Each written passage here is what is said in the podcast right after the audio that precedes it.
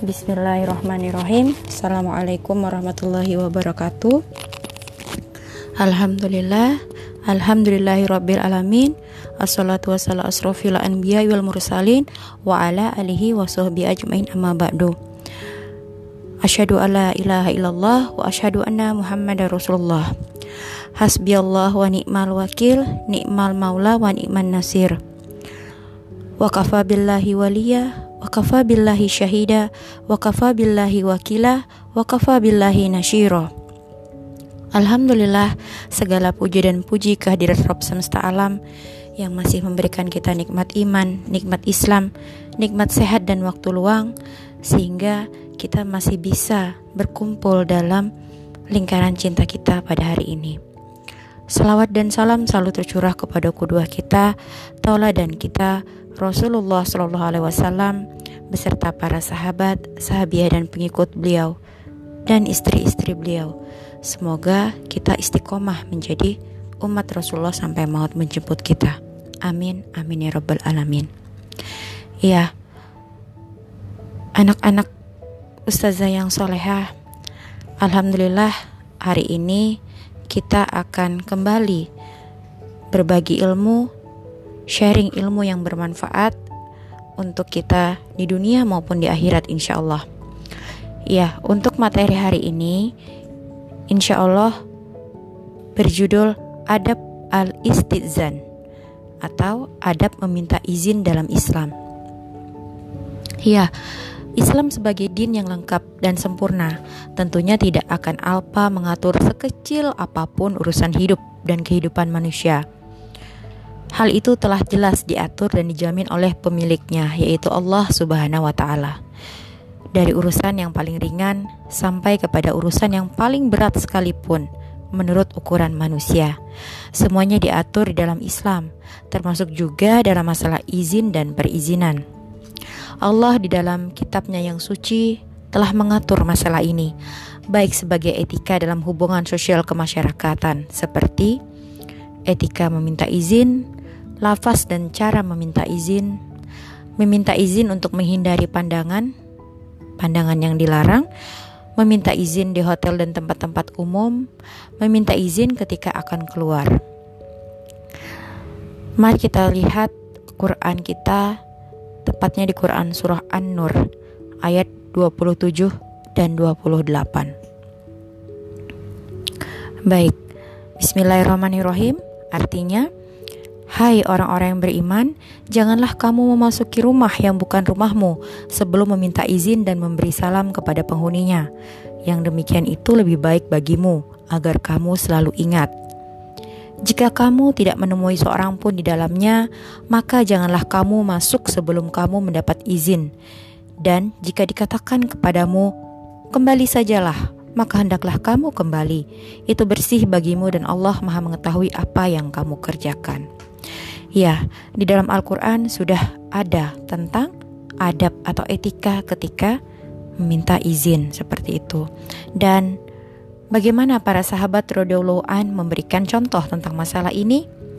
Dalam sebuah hadis riwayat Bukhari Muslim, Rasulullah SAW bersabda dari Abu Musa radhiyallahu ia berkata Rasulullah SAW bersabda, minta izin itu sampai tiga kali. Apabila diizinkan, maka masuklah kamu dan apabila tidak diizinkan, maka pulanglah kamu.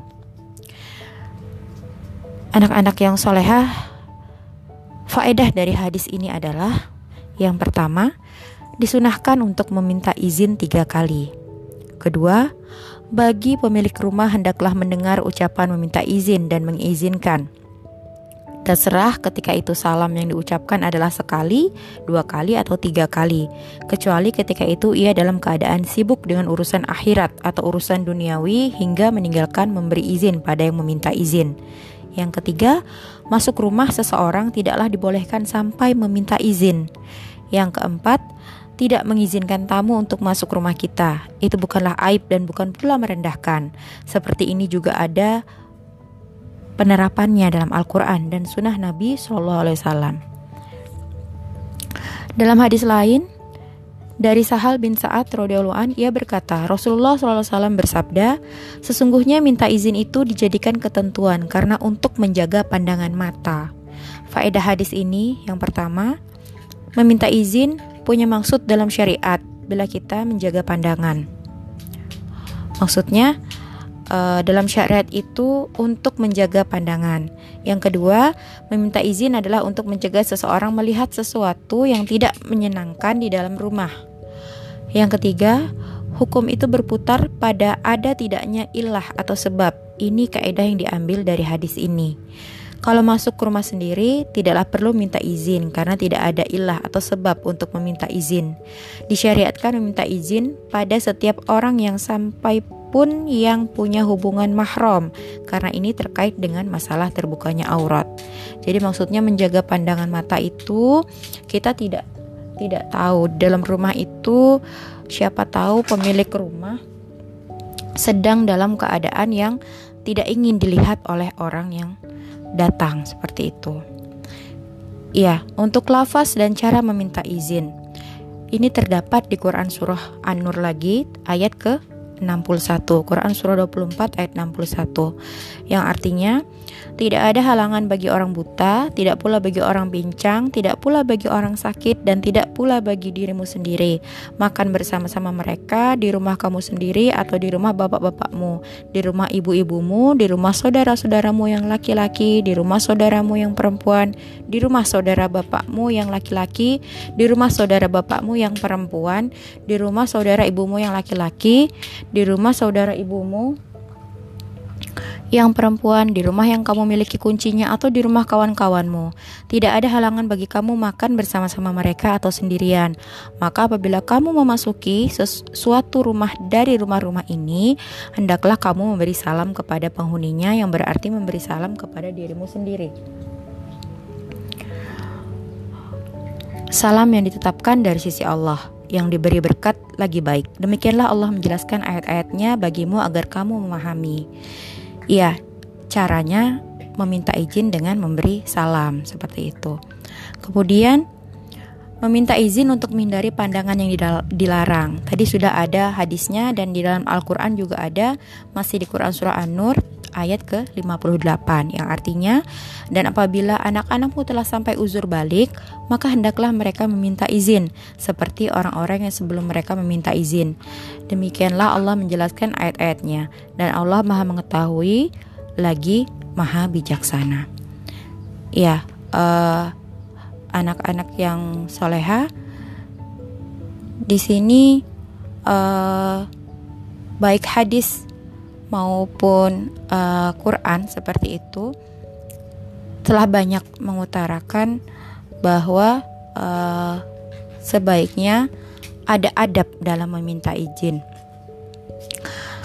Uh, kalau di sini tadi terkait anak-anak yang meminta izin itu penjelasannya uh,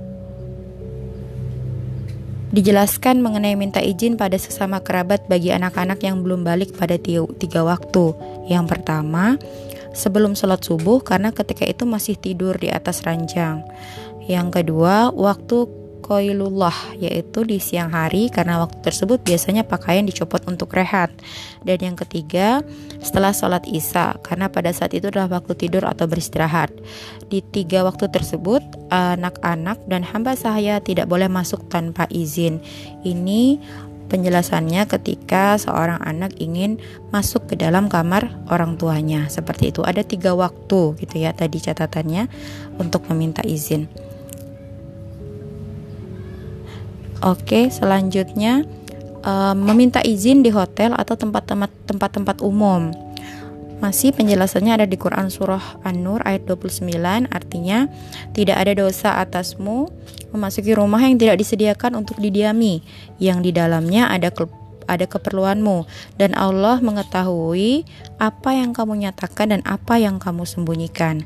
Ya, jadi ketika ke tempat-tempat umum itu tidak ada kewajiban kita untuk meminta izin seperti di hotel gitu ya atau di perpustakaan dan tempat-tempat umum lainnya. Selanjutnya ada sebuah cerita Ibnu, Hi, Ibnu Ishaq meriwayatkan tentang asbabun nuzul atau sebab turunnya ayat-ayat ini. Disebutkan bahwa setelah orang-orang Quraisy dan sekutu-sekutu mereka Al-Ahzab berhimpun dan menggalang kekuatan di perang Hondak atau perang Parit dan setelah Rasulullah mendengar mereka akan melakukan serangan atas ide seorang sahabat Salman Al-Farizi, maka Rasulullah menyuruh untuk menggali parit di sekitar Madinah. Rasulullah pun ikut terlibat langsung dalam penggalian itu untuk memberikan contoh dan menyemangati kaum mukminin untuk mendapatkan pahala. Maka orang-orang yang beriman ikut serta bersama Rasulullah dan berlomba-lomba. Namun, ada beberapa orang munafik yang setengah-setengah dan terlambat datang bersama Rasulullah dan kaum muslimin dalam membuat parit. Mereka hanya ikut terlibat dengan sekedarnya dan pekerjaan yang sangat kecil atau ringan. Kemudian, mereka mencari-cari celah untuk pergi ke rumah-rumah mereka tanpa sepengetahuan Rasulullah dan juga tanpa izin dari Rasulullah. Sementara itu, orang-orang yang beriman bila ada hajat yang harus ditunaikan, dia menyebutkan hajat itu di hadapan Rasulullah dan meminta izin untuk menunaikan hajatnya tersebut. Maka Rasulullah pun memberikannya izin. Bila dia selesai menunaikan hajatnya, hajatnya, maka dia pun segera kembali meneruskan pekerjaan menggali parit karena ingin mendapatkan pahala dan mengharapkan kebaikan. Allah pun menurunkan ayat kepada orang-orang beriman itu sebagaimana ditulis dalam Quran surah An-Nur ayat 62 yang artinya sesungguhnya yang sebenar-benar orang mukmin ialah orang-orang yang beriman kepada Allah dan Rasulnya dan apabila mereka berada bersama-sama Rasulullah dalam suatu urusan yang memerlukan pertemuan, mereka tidak meninggalkan Rasulullah sebelum meminta izin kepadanya. Sesungguhnya orang-orang yang meminta izin kepadamu Muhammad, mereka itulah orang-orang yang beriman kepada Allah dan Rasulnya. Maka apabila mereka meminta izin kepadamu karena sesuatu keperluan, beri, berilah izin kepada siapa yang kamu kehendaki di antara mereka dan mohonkanlah ampunan untuk mereka kepada Allah. Sesungguhnya Allah Maha Pengampun lagi Maha Penyayang. Ya, Allah berfirman kepada orang-orang munafik yang mencari-cari celah untuk pergi ke rumah-rumah mereka tanpa sepengetahuan Rasulullah dan juga tanpa izinnya. Hal ini dapat dilihat dari ayat 63-nya. Artinya, Janganlah kamu jadikan panggilan Rasul di antara kamu seperti panggilan sebahagian kamu kepada sebahagian yang lain. Sesungguhnya Allah telah mengetahui orang-orang yang berangsur-angsur pergi di antara kamu dengan berlindung kepada kawannya. Maka hendaklah orang-orang yang menyalahi perintah Rasul takut akan ditimpa cobaan atau ditimpa azab yang pedih. Ya, anak-anak yang dirahmati oleh Allah, Apa pun sebab turunnya ayat-ayat ini, ia tetap mengandung adab-adab mental yang mengatur komunitas orang-orang yang beriman dengan pemimpin mereka. Urusan komunitas orang-orang yang beriman tidak akan pernah beres sebelum adab-adab ini melekat dalam perasaan-perasaan, kecenderungan-kecenderungan mereka, dan lubuk-lubuk hati mereka yang paling dalam. Kemudian, adab-adab itu juga harus bersemayam dalam kehidupan komunitas orang-orang yang beriman, sehingga menjadi panutan dan aturan yang dipatuhi. Bila tidak tercipta, maka yang akan terjadi adalah kekacauan yang tiada terhingga. Jadi, ternyata meminta izin adalah simbol komunikasi yang efektif, sementara komunikasi adalah alat yang penting dalam bekerja secara kelompok. Kelompok yang membiasakan minta izin terlebih dahulu menunjukkan pribadi dan kelompok yang solid dan memiliki aturan main. Adab minta izin ini sangat terkait dengan disiplin, sistem, dan aturan jamaah serta ketaatan kepada pemimpin. Jika kita menyepelekan hal meminta izin, maka keinginan menjadi jamaah yang solid akan sulit untuk diwujudkan. Baik, anak-anak sekalian, demikian tadi uh, tentang adab meminta izin. Jadi mulai dari hal-hal yang kecil uh, ketika dalam uh, pertemuan kita gitu ya, halakoh kita ketika berhalangan hadir, harap uh, menjaga adab-adabnya dalam meminta izin seperti itu. Itu contoh kecil. Banyak masih contoh-contoh yang lainnya seperti itu sebagai seorang muslim yang baik, maka uh, sebaiknya lah kita memiliki adab-adab dalam meminta izin. Demikian yang bisa Ustazah sampaikan. Yang baik yang benar berasal dari Allah Subhanahu wa taala, yang salah dari Ustazah pribadi Ustazah mohon maaf. Akhirul kalam. Assalamualaikum warahmatullahi wabarakatuh.